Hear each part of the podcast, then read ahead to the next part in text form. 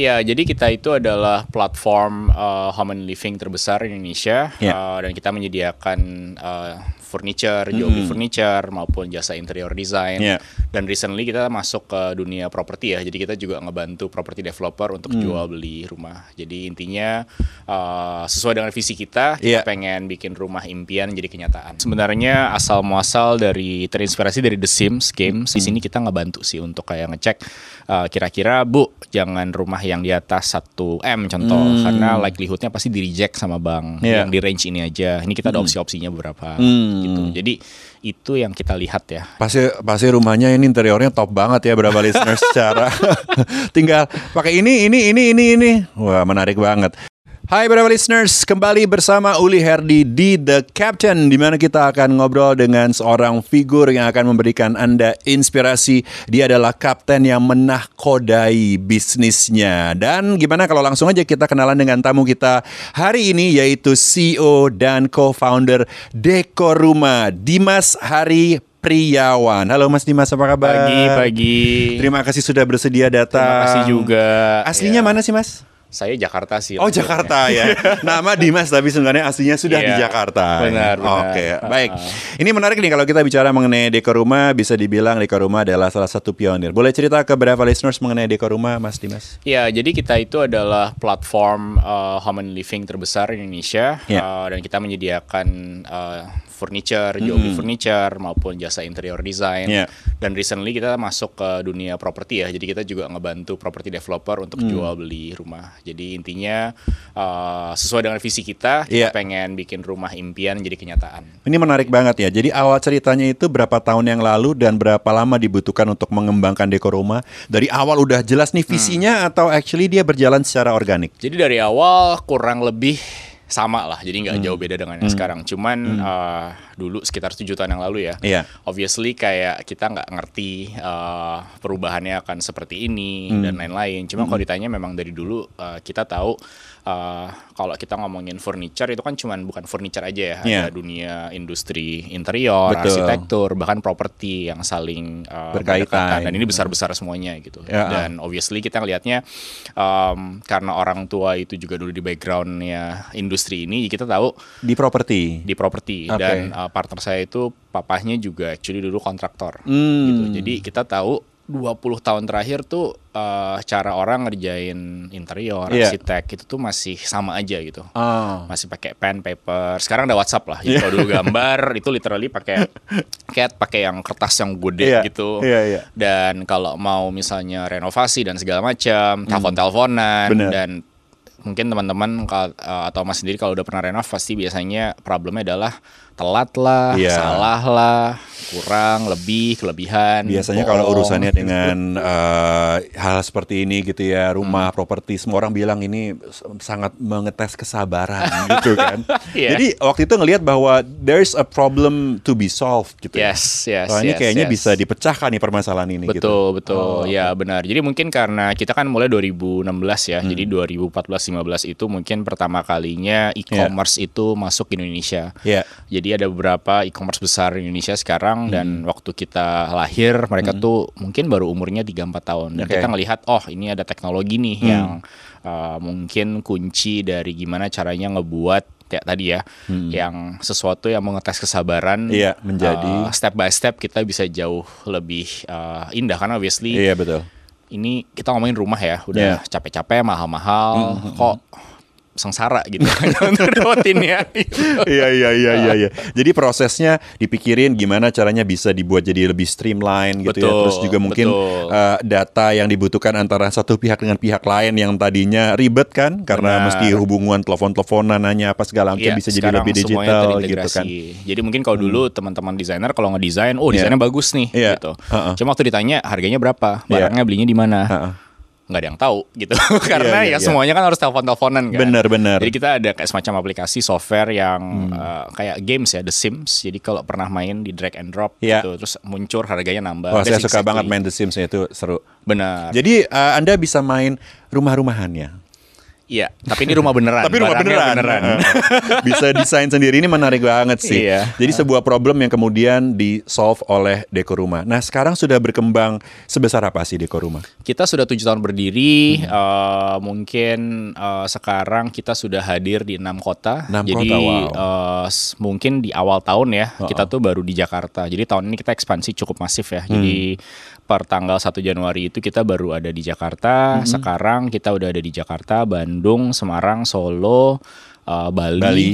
dan soon kita akan ke Medan. Akan ke Medan. Iya. Wow, apa yang me- mendorong tiba-tiba tahun ini begitu berani gitu? Eh, kita ngelihat uh, beberapa hal ya. Pertama, uh, well, COVID supposedly waktu itu kita lihat udah mulai turun Hmm. dan uh, itu bisa basically mobility ya. Jadi jauh lebih mudah buat kita ekspansi. Waktu Oh. zaman-zaman lockdown ya kali Agak gitu. repot ya. Iya. Susah untuk kayak koordinasi, mobilisasi. Pesawat aja kan berat ya. Jadi Betul, kita betul. uh, dapat window-nya dan kedua memang kita sebenarnya udah lama pengen ekspansi, cuman ya waktu itu ketahan Karena uh, keadaan. Iya, keadaan. Nah, ketika kemarin lagi pandemi lagi rame-ramenya, was that a big challenge atau malah jadi a blessing in disguise? Iya mungkin the only positive things terkait COVID adalah uh, ya itu ya karena orang WFH Semua orang tiba-tiba go digital Yes, gitu ya. Dan uh, mungkin dulu rumah itu kan kayak hotel ya. Berangkat ke kantor jam 6, Baru balik jam 9, 9, weekend ke Bali. numpang tidur. Iya, jadi it's actually rumah jadi hotel lah. Cuman waktu WFH akhirnya rumah jadi rumah gitu. Iya. Jadi orang mulai ngerasa oh kayaknya sofanya Perlu udah- di-upgrade iya. nih. Bantalnya kayaknya udah udah nggak enak nih. Terus kursi eh kursi makan buat kerja encok juga ya. Iya, Gitu. lama-lama kayaknya perlu bikin ruangan kerja nih. Benar, Perlu kursi benar. kerja nih. Jadi perlu kita ini, perlu itu. betul. Jadi kita salah satu industri kategori yang berkembang dan Iya. kebetulan karena kita uh, online dan offline Iya. dan ya itu sesuai sih dengan dengan apa yang masyarakat butuhkan. Iya. Uh, ya, uh, jadi itu is a, is a blessing. Sebelas yang disguise. discuss ya, mantap sekali. Pertanyaan berikutnya adalah mengenai aplikasi Studio ya. Iya. Boleh cerita sedikit mengenai Studio? Ya, jadi tadi ya, ini sebenarnya asal muasal dari terinspirasi dari The Sims game. Saya bilang ke tim saya kayak Ya.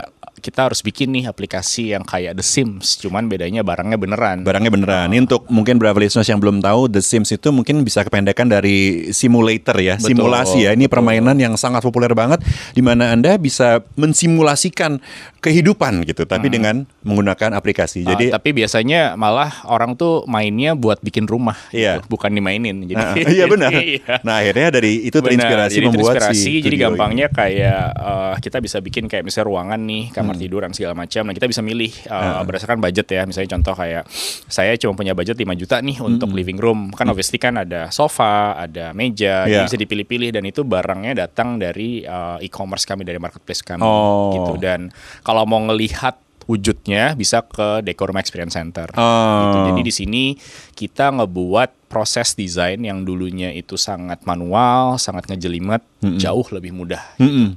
Nah untuk beberapa listeners yang tertarik misalnya untuk uh, me- membuat rumahnya menjadi lebih menyenangkan dengan semua produk dari dekor rumah, tapi terus bingung, aduh saya ngerasa kurang punya sense of design yang bagus nih. Nah itu gimana ya solusinya? Solusinya, wah sekarang mudah ya. Jadi paling gampang bisa ke Instagram uh, kami. Di situ ada uh, ribuan uh, foto inspirasi.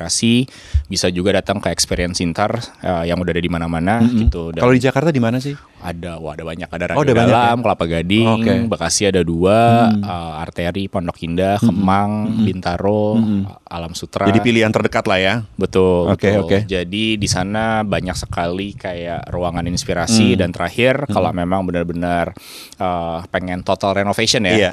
uh, bisa diskusi dengan uh, tim interior design Oke. kami gitu. Jadi nanti di ada sana ada tim juga. ada ada. Jadi Hmm. benar-benar nanti itu ada professional designer yang benar-benar nanya uh, stylenya seperti apa, Hmm. budgetnya bagaimana, ruangannya gimana, sukanya yang kayak gimana. Jadi benar-benar bisa didesainin lah. Dengan fee tertentu gitu ya. Iya betul. Oke. Nah ini kalau kita bicara mengenai desain ada yang bilang bahwa dekor rumah itu desainnya juga banyak bisa dibilang Japandi ya, Japanese Scandinavian. Benar nggak sih? Betul, betul. Oke. Boleh Iya. cerita sedikit kenapa pilihannya? Ya, Japandi? jadi ini ceritanya karena uh, asal muasalnya dari segmen customer yang kita incar ya. Jadi kan sekarang itu rumah makin ke sini makin mahal, Iya. makin kecil. Iya. Uh, pasti teman-teman listener tahu, hitung aja lah rumah saya dan rumah orang tua saya itu mungkin mungkin rumah Beda. saya sepertiganya gitu. Beda- beda ukurannya. banget sih. Benar. Tapi be- beda memang beda gaya juga. beda gaya, beda harga, Beda harga. gitu. dan beda ukuran. Jadi dari segi kita tahu oh eh, rumah itu makin kecil gimana caranya bisa bikin rumah yang kecil imut-imut eh, bener-bener nyaman ya. Dan Iya. di situlah konsep Japan di Scandinavian jalan. Jadi. Japan di itu again Jepang itu Iya. kan juga rumahnya kecil-kecil. Tapi kalau di Jepang itu tuh bener-bener terkenal eh, furniture-nya itu tuh space saving dan multifungsi. Jadi yang Fungsional ya. fungsional bisa macam-macam yang jadi kayak jadi meja terus tiba-tiba dilipat, dilipat atau gitu. dan lain sebagainya. Cuman kelemahannya Jepang itu zen ya. Jadi kan datar gitu. Iya. Kalau putih-putih, kalau coklat-coklat Hmm. dan nggak cocok. Indonesia itu kan karedok, gado-gado, pecel gitu. Iya. Secara Jadi kultural kayaknya indah tapi kurang bumbu gitu Benar. kan. Jadi di situlah sebenarnya kita lihat oh style Skandinavia itu tepat karena sama eh, Skandinavia itu juga sebenarnya basisnya juga putih ya. Iya. Cuman dia bisa naruh-naruh aksen color dan makanya kita gabungkan nih sesuai dengan eh, konsep di Indonesia gitu. Oke, ini menarik ya. Jadi untuk Anda yang suka dengan style yang kekinian ya, bisa Betul. dibilang bisa langsung aja lihat-lihat Instagramnya Deko Rumah atau bahkan lebih baik bisa download aplikasinya ya. Betul. Jadi Anda bisa langsung cek secara lebih detail.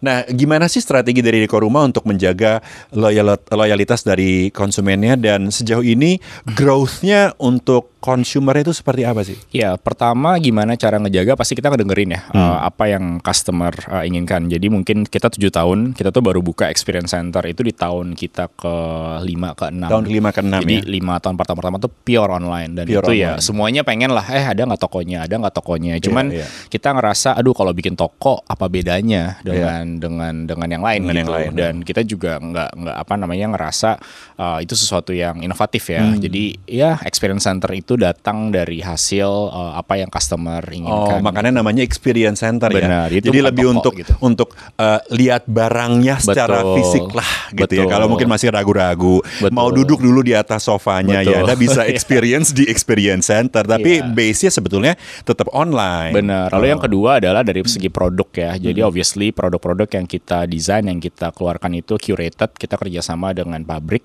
Di Dan Indonesia aja Indonesia atau? dan actually malah uh, 90% barang kita itu tuh datang dari Indonesia. Indonesia gitu. ya? Dan mungkin yang banyak uh, listener nggak tahu adalah uh, pabrik-pabrik ini tuh selama ini nggak apa ya ini yang ekspor gitu. Maksudnya Oh. semua produksinya itu tuh ekspor ke Jepang, ke Amerika yang standarnya tinggi. Nemu aja ya, nemu. ya. Cuma mereka nggak mau uh, ke lokal market sebelum kita hadir karena memang belum ada kayak semacam brand yang bisa represent. Jadi sebenarnya ya itu kualitas ekspor sih dan Hmm. Oh. ini ya benar-benar karya Makanya anak bangsa ya. bagus. Betul. Oke. gitu. Terus growth untuk uh, consumer. Alhamdulillah mungkin uh, dua tiga tahun terakhir itu kita growing dua tiga kali per Wow. tahun ya. ya makanya cukup masif gitu. Tadi kan cerita juga bahwa Deko Rumah bahkan sudah merambah ke properti ini. Ya. Nah, boleh cerita nggak dari sudut pandang Anda seperti apa perilaku konsumen mengenai properti di Indonesia? Iya, jadi eh, terutama sejak COVID ya, Hmm. eh, sebenarnya kalau belanja properti itu during COVID sekarang mungkin udah lebih normal, itu jauh lebih murah karena banyak banget diskon, Hmm. gitu dan pemerintah eh, benar-benar sudah all out ya Yeah. untuk eh, ngerubah peraturan ter- terkait KPR dan Yeah. lain-lainnya. Jadi eh, kalau misalnya perilaku sekarang itu mungkin lawannya customer adalah understanding terhadap eh, produk properti sendiri finansial. Oke. gimana sih apply KPR Nah, yang paling kita temukan itu adalah banyak yang mau beli rumah cuman nggak ngerti pocket gitu. Jadi kayak dompetnya tuh nggak nggak ketahuan. Artinya Oh. kayak oh mau mau pilih pilih pilih pilih pilih aja terus apply KPR ditolak karena Oh. ya contoh kurang lah inilah itulah tapi sebenarnya bukan berarti nggak bisa dan Hmm. Iya. sebenarnya opsinya banyak gitu jadi ya ada developer yang besar ada developer yang kecil Uh, tapi in general animonya uh, Hmm. Ada. even covid itu actually growing ya Besar. iya ha-ha. Oh, tapi ada hambatan-hambatan nih. iya iya Dan ini yang juga dilihat oleh Deko Rumah. betul Bisa betul. di solve problemnya. Betul. Karena ya tadi gitu. Jadi Hmm. banyak yang datang mau beli rumah. Cuman pertanyaannya eh, rumahnya di value berapa, di harga berapa yang Hmm. yang yang sesuai dengan dompet gitu. Jadi di sini kita ngebantu sih untuk kayak ngecek eh, kira-kira Bu, jangan rumah yang di atas 1 M contoh karena likelihoodnya pasti di reject sama bank. Hmm. Iya. Yang di range ini aja. Ini kita ada opsi-opsinya beberapa Hmm. gitu. Jadi itu yang kita lihat ya di Oke. di, di industri. Jadi itulah perilaku konsumen yang kemudian dipecahkan oleh Deko Betul, Rumah betul. sehingga mereka bisa lebih mudah tanpa hambatan mencapai tujuan-tujuannya gitu ya. betul. Nah, kalau boleh minta bocoran nih ya. Daerah-daerah mana sih yang lagi hot nih, yang lagi mantep untuk properti di di Indonesia? Wah, tetap Jakarta ya. Jakarta ya? Eh, Jakarta nggak ada lawan. Jakartanya banyak- Jakarta luas nih soalnya. Eh, Jakarta itu yang berkembang, obviously daerah Tangerang, eh, daerah selatan Di ya. suburbs berarti. Iya. Kalau yang di Uh, tengahnya udah saturated atau mahal, Oh, mahal iya, sekali. Iya, me- memang sih. Dan actually kenaikannya juga kalau ngomongin kenaikan harga juga nggak akan sekencang misalnya di di di daerah. karena ya. iya sih, karena udah udah ini ya. betul. Perkembangannya juga nggak akan sebesar kalau lagi di suburbs gitu kan. Betul. Berikutnya Depok ya. Jadi Depok Depok, ya? ke belakang itu kita ngelihat uh, secara kota mereka jauh berke- jauh berkembangnya pesat. Mungkin salah satu yang paling pesat ya dari Gitu satu Jabodetabek.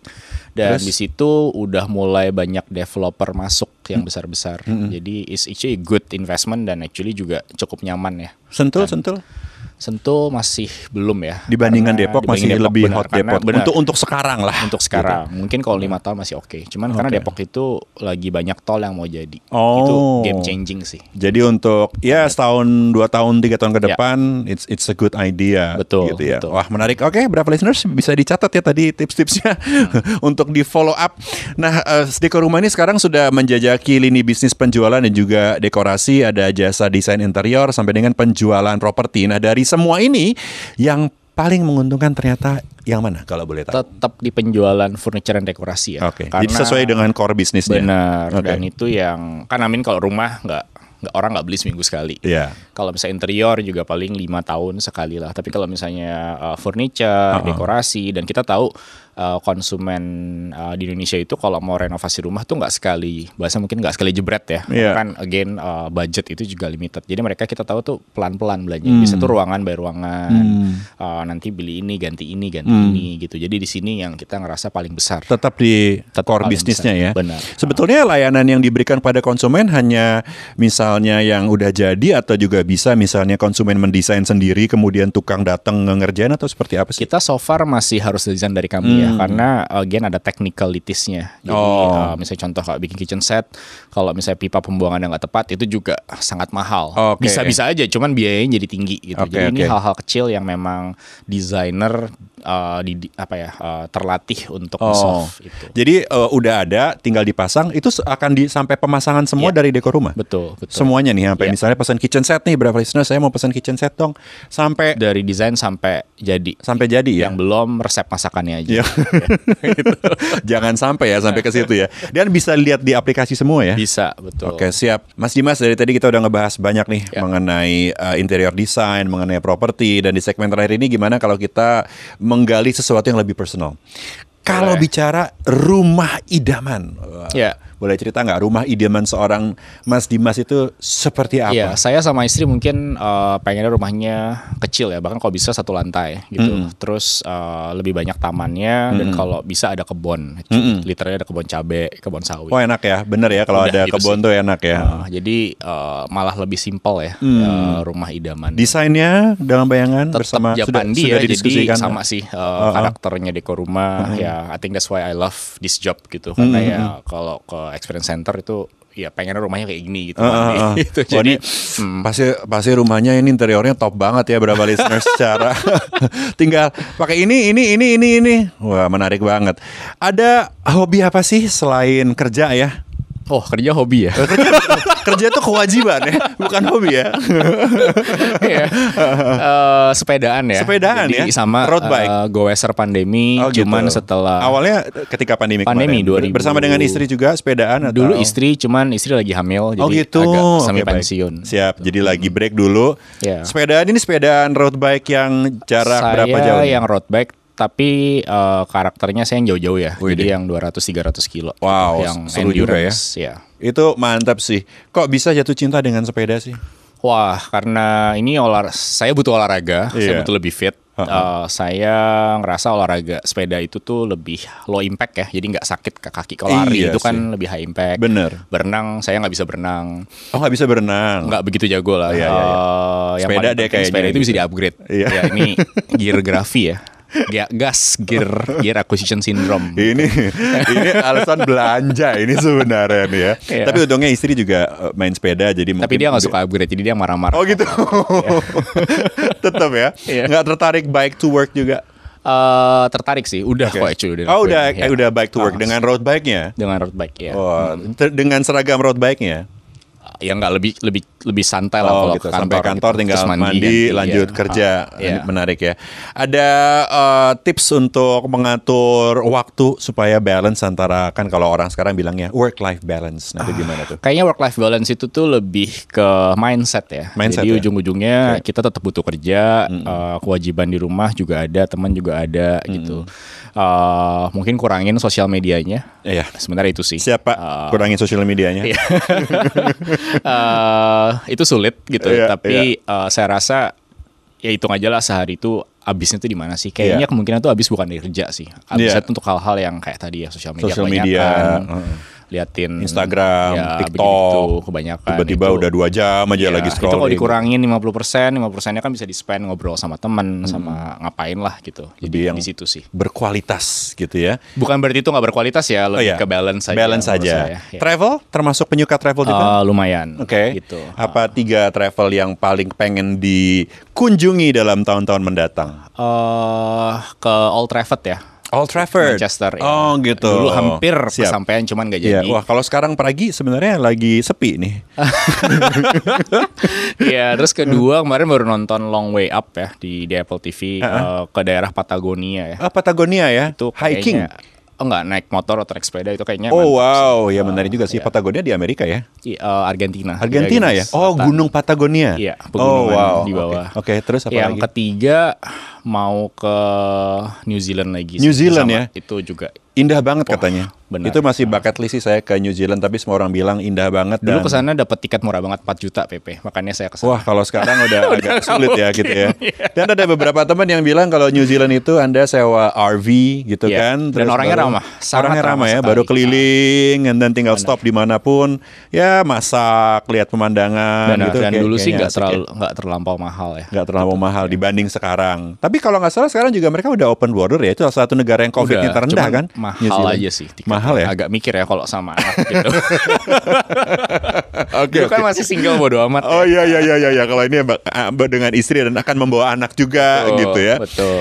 Untuk penutup ada yang mau disampaikan ke beberapa listeners mengenai mungkin plan-plan dekor rumah ke depannya? Ya, jadi eh, kita tetap akan ekspansi eh, ke kota-kota lain. Jadi eh, di bulan depan itu di Medan, Ya. tahun depan itu kita mungkin akan cover mau Sumatera semester 1 insya Allah. Jadi kayak ke Palembang, Pekanbaru, Ya. Lampung, lalu kita akan ke daerah Kalimantan, Sulawesi. Jadi Ya. hopefully by end of next year kita udah ada di majority kota-kota besar ibu kota di Indonesia. Gitu nice. sih. Hmm. Kalau beberapa listeners mau connect dengan Mas Dimas, eh, Instagram, LinkedIn atau social media apa nih yang bisa di Paling LinkedIn ya, Oke. Dimas Hari Priawan itu Oke, ada, ya. jadi Anda bisa langsung aja ke LinkedIn-nya Dimas Hari Priawan and connect there. Dan sekali lagi eh, terima kasih loh sudah datang ke Sama-sama. beberapa radio. Terima kasih juga. Seru banget ngobrol-ngobrolnya. ya. Eh, sukses buat dekor rumah. Terima kasih. Eh, untuk semua tujuan-tujuan semoga tercapai. Eh, for your personal life juga. Salam Siap. kembali buat sang istri dan Siap, calon siap, anak. Semoga semuanya berjalan dengan lancar. Thank you, amin, amin. Demikian obrolan kita pagi ini bersama dengan The Captain, CEO, and Co-founder Dekor Rumah Dimas Hari Priawan.